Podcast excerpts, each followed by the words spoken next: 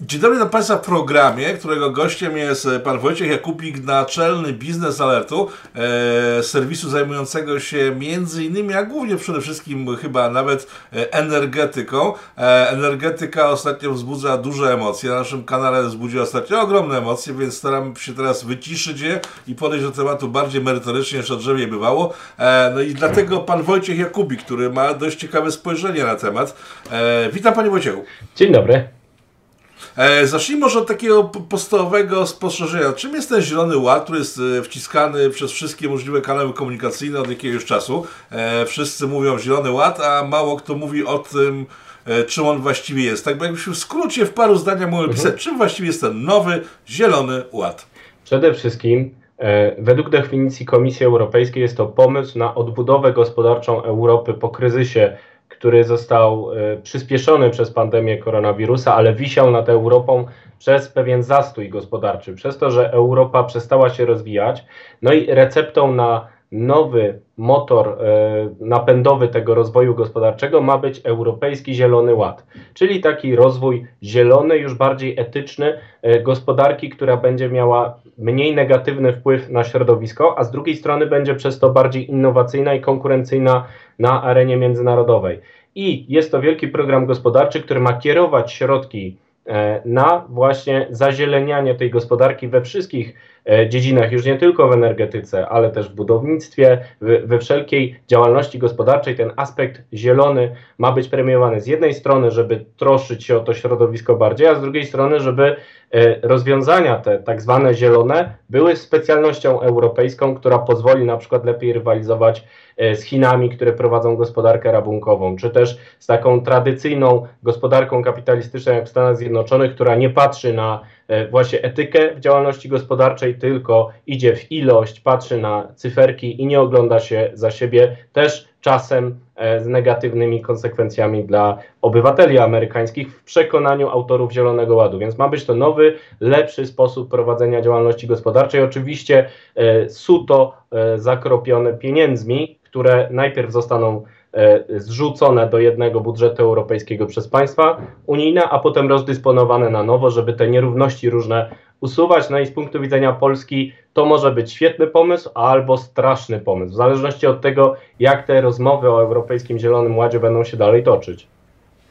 No więc właśnie, bo e, mówi Pan o tym, że Europa chce pójść do przodu, cofając się de facto, bo jeżeli e, Europa pozbywa się wszystkich gałęzi gospodarki, e, które generują e, no, opary, mówiąc tak e, kolokwialnie, oddając tam e, te gałęzie gospodarki Hindusom, Chińczykom, Amerykanom właśnie, no to pozbywa się kapitału, który dzięki temu zarabiała, a jednocześnie cały ten Zielony Ład oparty jest na technologiach, które e, de facto wytwarzane są w, finale na końcu w Chinach, także gdzie tu jest zysk dla Europy? Na razie pominę Polskę, bo to jest ciekawy, mhm. ciekawy case. No założenie jest chytre, ponieważ chodzi o to, aby te nowe technologie, na przykład wykorzystać wykorzystanie wodoru w przemyśle ciężkim. Czyli pomysł, żeby zastąpić węgiel koksujący na przykład wodorem i wytwarzać cement, stal, różne produkty, które przecież są u fundamentu integracji europejskiej, europejskiej wspólnoty węgla i stali, żeby je wytwarzać już bez emisji, bez tych oparów, o których e, Pan wspomniał, w sposób opłacalny ekonomicznie, a jednocześnie też lepszy dla środowiska. Czyli założenie jest takie, że zainwestujemy bardzo dużo pieniędzy w te nowe technologie, żeby przeobrazić te branże, utrzymać je, żeby nie uciekały do e, Hindusów e, czy Chińczyków, ale żeby u nas działały w oparciu już o trochę inne zasady, właśnie z uwzględnieniem tej ochrony środowiska. I teraz zobaczymy, czy nam się uda, czy ten plan w ogóle będzie realizowany. A jeśli tak, to czy on sprawi, że uda się taką nową zieloną gospodarkę wyjątkową na skalę E, całego globu stworzyć, czy nie. No i do tego dochodzą nowe pomysły, na przykład podatek od śladu węglowego, który sprawiłby, że jeśli ktoś chce coś dostarczać do Unii Europejskiej, a emituje dwutlenek węgla na przykład gdzieś na Ukrainie, w Rosji, w Chinach, no to będzie płacił taki podatek na granicy, żeby nie było, że europejskie produkty obciążone tą polityką klimatyczną przegrywają e, z zagranicznymi. No i tutaj wpadamy w taki łańcuch różnych e, regulacji, które mają na końcu nas doprowadzić do tego upragnionego celu, ale zobaczymy, czy tak rzeczywiście będzie. No ale tak, czy ten podatek od y, nieczystości, od jak powiedział pan śladu węglowego, e, na razie to obowiązuje głównie Europejczyków i to powoduje wypychanie gospodarki tak, typu my mamy huty, swoje wewnętrzne węgle. rozwiązania. I jest takie mm. założenie stojące za tym Europejskim Zielonym Ładem, że inni pójdą w nasz e, ślad. To znaczy, że będą nas naśladować, czy chcą, czy nie chcą. Amerykanie za Bidena na przykład teraz mówią, że chcą. Zobaczymy, jak będzie faktycznie. E, Chińczycy mówią też, że chcą, że chcą być tam neutralni klimatycznie, czyli neutralni z punktu widzenia emisji dwutlenku węgla e, w 2060 roku, 10 lat po Europie, która chce być neutralna w 2050, ale jeżeli by nie chcieli, no to właśnie takie rozwiązania jak e, zewnętrzna polityka klimatyczna, wpasowanie polityki klimatycznej w politykę zagraniczną Unii Europejskiej, to ma być sposób na to, żeby przekonać innych, żeby się dołączyli, bo w ogóle u podstaw E, tej polityki leży założenie, że człowiek ma wpływ na zmianę klimatu. Na Pana kanale o tym było już bardzo dużo dyskusji, bardzo merytorycznych. E, I skoro człowiek ma wpływ, to może ograniczyć swój wpływ na zmianę klimatu i wszyscy powinni e, razem to zrobić, bo inaczej się nie uda. No i tutaj mamy takie, taki nowy idealizm w polityce Unii Europejskiej, pod który chcą się podpiąć wielkie koncerny, no bo to się sprowadza na końcu do promocji technologii e, i finansowania tych technologii w różnych firmach.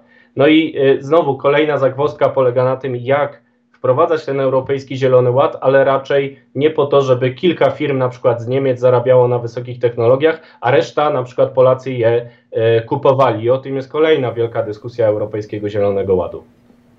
No tak, ale czy Chińczycy nie robią tego sensownie, bo o tym, że należy chronić Matkę Ziemię, to chyba każdy człowiek rozsądny wie, tak, bo e, o tym, że mamy ograniczone zasoby, każdy wie. E, tylko, że Chińczycy idą inną drogą, czyli jednocześnie minimalizują straty dla środowiska coraz bardziej, e, ale ciągle korzystają z tego środowiska, jak tylko mogą wykorzystać jak najbardziej, a jednocześnie budują tą, ten, ten swój zielony ład. I mhm. to ma sens, bo do chwili, kiedy nie rozwinęli jeszcze technologii ekologicznych, no nie mogą mordować klasycznych klasycznych technologii. Tymczasem Europa e, klasyczne technologie zdaje się e, chcieć zamordować e, i przechodząc na technologie ciągle jeszcze nie sprawdzone.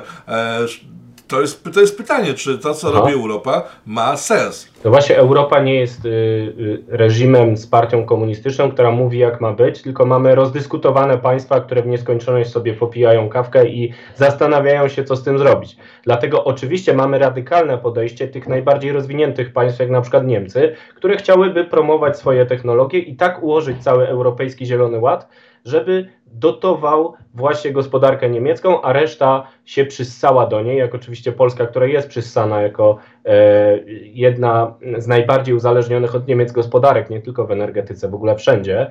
E, no i to jest radykalizm e, niemiecki, ale mamy bardziej umiarkowane podejścia. Francja, Niemcy mówią o różnych technologiach, bo różne mają też u siebie, różne mają status quo w tym momencie.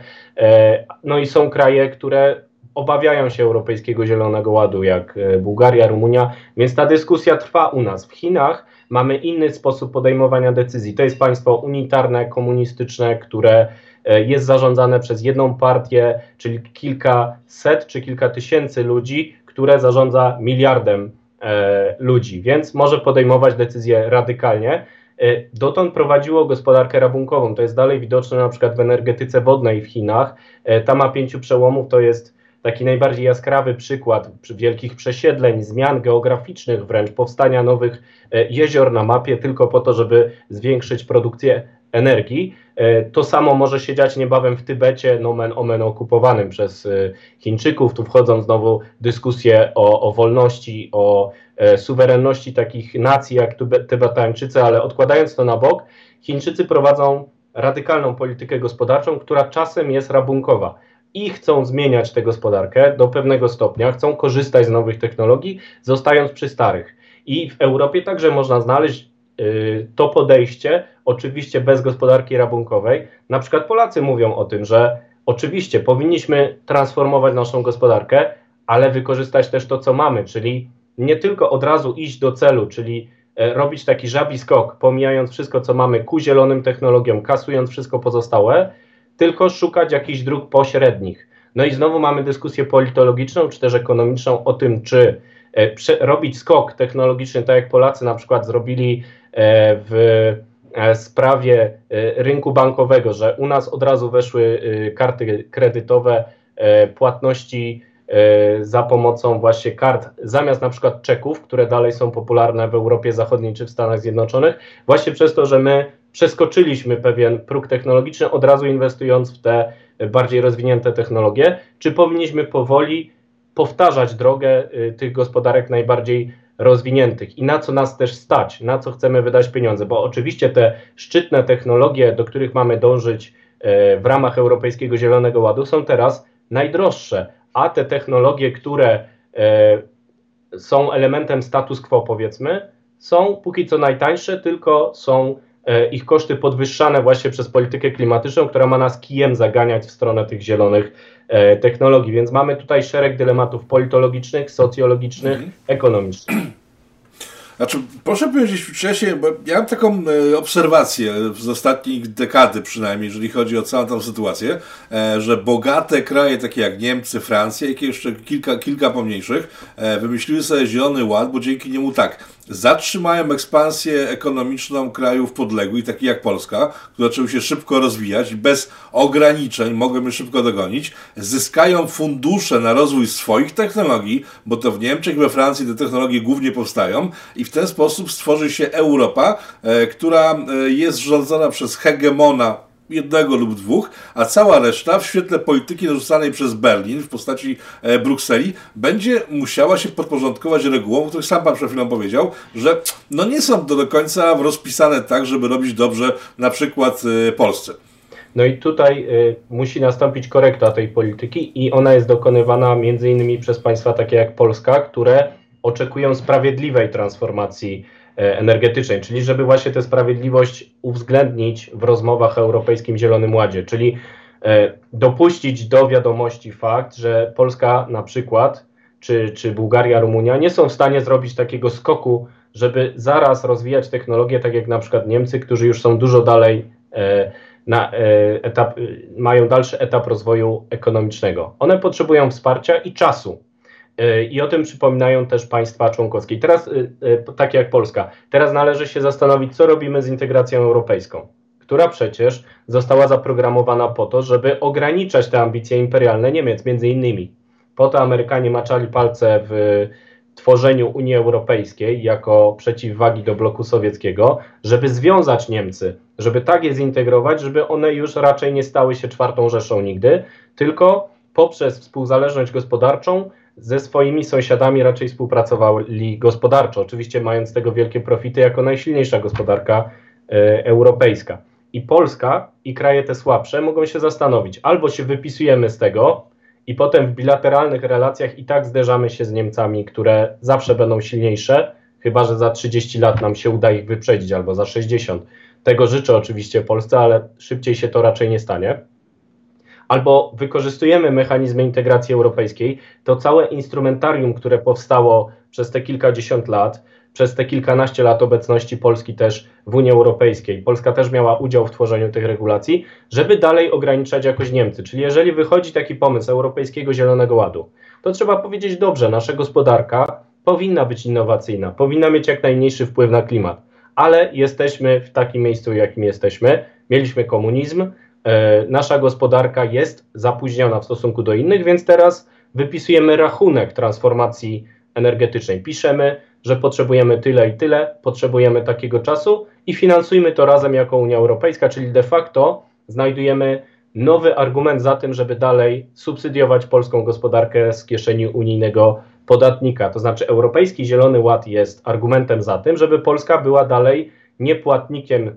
netto w Unii Europejskiej, tylko biorcą tych środków, bo jeśli chcemy tak ambitnie iść, no to potrzebujemy wsparcia. I stąd wzięła się na przykład idea Funduszu Sprawiedliwej Transformacji, który jest promowany na szczęście, dzięki Bogu, przez polityków polskich z różnych opcji. Udało się tam wynegocjować pewne środki, one są ułam, ułamkiem e, wydatków, które poniesiemy na tę transformację energetyczną, ale jest już jakiś krok naprzód. Oczywiście nie cofniemy kija Wisłą, ta transformacja będzie zachodzić, bo ona ma także e, wymiar technologiczny, to znaczy tak jak kiedyś przechodziliśmy z silnika e, parowego na spalinowy, teraz e, są wodorowe, elektryczne, różne silniki, które mogą zastąpić kiedyś ten spalinowy.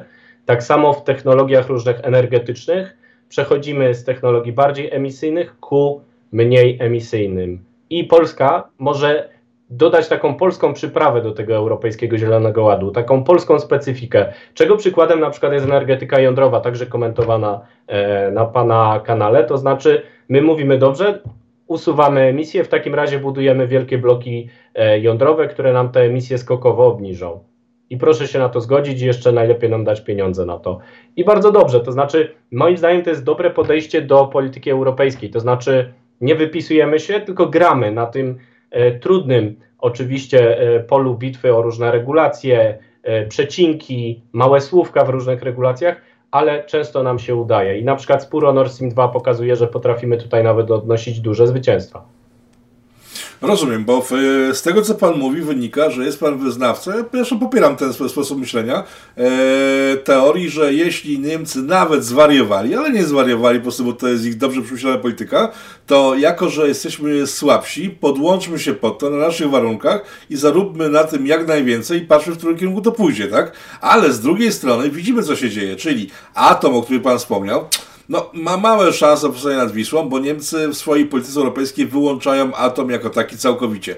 E, gaz e, to jest Nord Stream 2, to jest Nord Stream 1, Nord Stream 2, czyli Niemcy, którzy e, z ominięciem Polski i innych krajów tworzą hub gazowy u siebie w kraju, żeby uniezależnić od siebie całą resztę Europy. Więc e, pytanie jest, jak długo tym wagonikiem podążać za Niemcami, skoro oni tak idą w kierunku e, wyznaczonym przez samych siebie i idą z sukcesami, bo po tym jak Trump e, zniknął z planszy, mówiąc w ten sposób, e, Biden nie będzie stawiał, już już nie stawia żadnych kłopotów, jeżeli chodzi o Nord Stream 2 i on powstanie. Może się okazać, że pchając razem tą kulkę z Niemcami, lądujemy za, nie wiem, 20-30 lat na pełnym uzależnieniu od Berlina jeżeli nie będziemy prowadzić w międzyczasie własnej polityki, gromadzić tych środków, tak y, odsysać te soki jak, jak y, drzewa zimą e, z budżetu unijnego po to, żeby robić swoje. To znaczy, ok, Nord Stream 2 może powstać. To nie jest przesądzone, ale wiele wskazuje na to, że może udać się zrealizować y, ten projekt i będzie tak, że pomimo wszystkich korzystnych zmian na rynku gazu, rosyjski Gazprom będzie gruntował pozycję w Europie Środkowo-Wschodniej za zgodą Niemiec, które będą na tym zarabiać ekonomicznie jako pośrednik. Natomiast Polska będzie miała gazociąg Baltic Pipe, ma terminal LNG i w sumie może e, nie oglądać się tak bardzo na tę sytuację, bo u siebie będzie miała dalej e, gaz z innych kierunków, nikt nam nie zakręci kurka z gazem, cena też będzie jak najniższa ze względu na to, że dalej będziemy mieli wolność E, wyboru. Tak samo, jeżeli nam się uda doprowadzić do końca program jądrowy, no to nawet jeżeli Niemcy będą dalej wariować, jak e, pan mówi, i staną się e, wielkim eksporterem energii wytwarzanej w odnawialnych źródłach energii, które będą zabezpieczane gazem rosyjskim i taka polityka klimatyczna Niemiec będzie opalana rosyjskim gazem, to my będziemy mieli swoją politykę klimatyczną, tę właśnie specyfikę, która da nam pewną suwerenność w polityce energetycznej. To jest też termin E, ukuty przez pełnomocnika rządu do spraw strategicznej infrastruktury energetycznej Piotra Naimskiego. W ogóle to jest kolejna wielka dyskusja politologiczna o polityce energetycznej. Jak zachować podmiotowość w tej polityce, żeby nie zdać się na gaz z Rosji czy energię elektryczną e, z Niemiec. Jesteśmy w stanie to zrobić. Niemcy nie są w stanie nam dzisiaj zakazać budowy bloków jądrowych i uważam, że obecność w Unii Europejskiej zmniejsza szanse, że nam to zablokują, a nie zwiększa z tego względu, że są pewne regulacje. E, polityka energetyczna państwa nadal jest e, domeną państw e, członkowskich. Niemcy mogą sobie protestować, ale Polacy przeprowadzili pewne konsultacje transgraniczne, wszystko odbyło się zgodnie z tymi procedurami unijnymi i pieczątka powinna się znaleźć na tym projekcie jądrowym. Raczej nie dostaniemy środków wsparcia na atom to y, będzie trudne, no ale radzimy sobie inaczej, tak chałupniczo, może z Amerykanami, może z Francuzami, może z Koreańczykami ten atom zbudujemy. Tutaj największy problem z atomem jest w Polsce. To znaczy polega on na tym, że od upadku projektu w Żarnowcu my ciągle sobie rozmawiamy o tym atomie. Ta dyskusja jest starsza niż ja żyję e, na świecie, natomiast konkluzji dotąd brakowało i zobaczymy, czy w tym roku rzeczywiście do tego dojdzie, bo jest sygnał, że tak się stanie. I gdy będziemy mieli ten atom, gdy będziemy mieli Baltic Pipe, będziemy mieli własne e, uwarunkowania polityki energetycznej, gazowej, e, elektroenergetycznej i to, co się będzie działo w Niemczech, będzie na nas mniej oddziaływać, więc będziemy dalej mogli jakoś wkomponować się w ten Europejski Zielony Ład, wykorzystywać jego zalety, ograniczać wpływ jego wad i będziemy mieli tę suwerenną politykę w kraju. Wydaje mi się, że jesteśmy w stanie tyle mniej więcej osiągnąć jako kraj średniej wielkości. Mhm. Znaczy, spytam o atom, bo w sumie teraz się pojawiło pytanie, co z gazem skroplonym w chwili, kiedy Biden e, mówi, że łupki zamyka, gaz zamyka, a przecież e, e, nasz gazoport powstał w sumie na zlecenie amerykańskie tak naprawdę i przy jego, przy, przy, przy USA wsparciu. E, to jest jedno pytanie, które się pojawia, a, ale to może najpierw to pytanie, mhm. pytanie o atom, który jest dość kłopotliwy chyba, w, kłopotliwym tematem w Polsce. No jest kłopotliwym, bo mamy różne grupy interesów, które promują swoje rozwiązania. Mamy zwolenników odnawialnych źródeł energii. Teraz wicepremier Gowin na przykład ze e, z porozumienia jednej z frakcji mówi, że to OZE jest e, świetne, że może jednak małe reaktory jądrowe lepiej budować. Formalnie oczywiście popierając polski program jądrowy, ale suflując już pewne alternatywne rozwiązanie. Z kolei na przykład e, Solidarna Polska mówi, że transformacja energetyczna to jest wyrok na polską gospodarkę i trzeba bronić węgla za wszelką cenę, nawet wbrew podpisom Polaków pod polityką klimatyczną, pod którą my też jesteśmy no, podpisani i pewne regulacje już są e, zaimplementowane w Polsce. To jest drugie podejście. Mamy taką drogę pośrodku, Ministerstwo Klimatu, które mówi właśnie o dużej energetyce jądrowej, natomiast dalej nie E, podpisuje dokumentów, które świadczyłyby o tym, że ten program idzie naprzód. Mamy dużo deklaracji. No więc właśnie.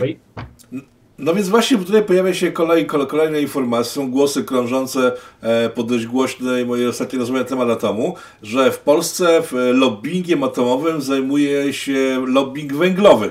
E, który to chce za wszelką cenę przepchnąć do świadomości ludzkiej, że atom jest na wyciągnięcie ręki, e, w chwili, kiedy elektrownia atomowa nie powstanie przez najbliższe 50 lat, ale jednocześnie nacisk na opinię publiczną, mówiący, że przecież atom już prawie mamy, wystarczy tylko go zbudować, powoduje, że e, opinia publiczna odpuszcza węgiel. E, mhm. I za tym całym lobbyingiem atomowym ma w Polsce stać e, tak zwana mafia węglowa, czyli e, ludzie, którzy przywożą węgiel z zagranicy, spoza granic Polski, którym jest, w których jest interesie, żeby polski węgiel zlikwidować, bo wtedy węgiel z zagranicy będą mogli przywozić w jeszcze większych ilościach. Jak pan widzi mhm. tego typu teorie krążące po rynku energetycznym? Na pewno sukces programu jądrowego w Polsce oznacza odejście od węgla, szybsze, no bo będziemy mogli zastępować stabilny węgiel stabilnym atomem. Czyli atom jest w antagonizmie z węglem. Tak już czysto obiektywnie. E, Ale jednocześnie, jeżeli ten atom ma nie powstać przez najbliższe 50-100 lat, a będzie wtłaczane do świadomości ludzkiej, że jest realną alternatywą, którą nie jest, e, ludzie będą odpuszczać węgiel i ochronę wydobycia węgla jako takiego, tak? Albo będą bronić węgla, bo powiedzą, że zaraz atom załatwi sprawę, więc nie trzeba nic robić. To zależy, e, którego lobby się spytać, a ich jest w Polsce oczywiście dużo. Istnieje mafia węglowa, istnieje e, bardzo duży splot interesów na Śląsku, który broni jakichkolwiek, znaczy broni się przed jakimikolwiek zmianami w tej branży. Jest stare lobby profesorów, którzy pamiętają jeszcze Żarnowiec, którzy będą zawsze promować energetykę jądrową. E, jest rosnące lobby odnawialnych źródeł energii w Polsce. Zwolennicy na przykład morskiej energetyki wiatrowej, która również kosztuje wiele miliardów, również jest kosztownym przedsięwzięciem wymagającym subsydiowania z budżetu państwa poprzez ustawę offshore. E, I oni zawsze będą mówić, że tylko morskie farmy wiatrowe, e, wspierane na przykład energetyką gazową. Jest stare lobby gazowe, które nam powie, że w takim razie możemy zwiększać zużycie gazu w nieskończoność i może nas skazać na taką pułapkę gazową Putina, że właśnie skończy się na tym, że będziemy sprowadzać gaz z Nord Stream 2, żeby te wszystkie elektrownie gazowe opalić. Prawda jest gdzieś po środku, to znaczy musimy się zastanowić, gdybyśmy byli w skórze ministra energii czy klimatu, jak odpowiedzieć na odwieczny dylemat polityki energetycznej, czyli jak pogodzić opłacalność ekonomiczną energetyki z bezpieczeństwem dostaw i z y, ograniczonym wpływem na środowisko. To są trzy prymaty polityki energetycznej z definicji, która w polityce energetycznej Polski obowiązującej obecnie jest y, tak samo zdefiniowana jak w poprzedniej, czyli musimy brać ekonomię, środowisko i stabilność, bezpieczeństwo dostaw zawsze pod uwagę.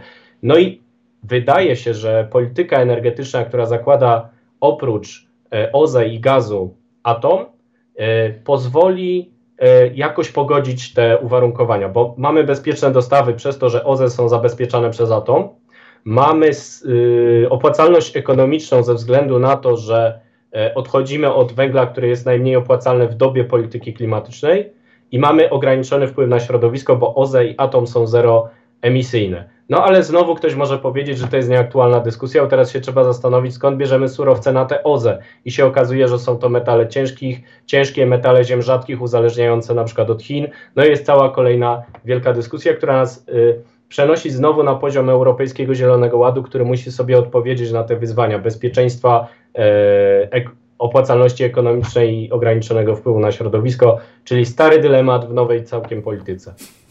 No to wracamy do początku, czyli momentu, w którym powiedział Pan o Zielonym Ładzie Europejskim, który ma się pojawić na etyce. No i teraz jest pytanie, jakiej etyce? E, sam Pan wspomniał o tym, że do Zielonego Ładu potrzebne są e, unikalne materiały pochodzące z Matki Ziemi, e, które w sumie wydobywamy, a później wrzucamy na śmietnik, to jest pierwsze. Etyka polegająca na tym, że podwyżka cen prądu i energii dla obywateli wpędzi ich w biedę bo to nie, jest, nie jesteśmy Europą Zachodnią, tylko dla nas podwyżka o 100% opłat za prąd, gaz i tak dalej, to jest duży problem dla, każdy, dla każdego zwykłego człowieka. E, albo następnie rzecz taka po prostu najprostsza. Dlaczego nie ograniczymy konsumpcji? Dlaczego nie stworzymy no e, przepisów, które wymuszą na producentach, żeby nie tworzyli sprzętu, który działa przez rok, tylko żeby działał przez 10-20 lat. Żeby samochody nie trafiały na złom, te właśnie wyczerpujące zasoby e, ziemi, elektryczne samochody, które później e, trafiają po prostu no, na śmietniki, tylko żeby one działały przez najbliższe 20-30 lat, tak? Może zmiana e, sposobu konsumpcji jest tym pomysłem, bo naprawdę nie wiem, dlaczego ja mam sobie kupować e, telefon co, co 2-3 lata, bo poprzedni przestaje działać nie dlatego, że jest za stary, już dlatego, że producent instaluje nowe oprogramowanie, które powoduje, że ten mój 3-letni telefon nagle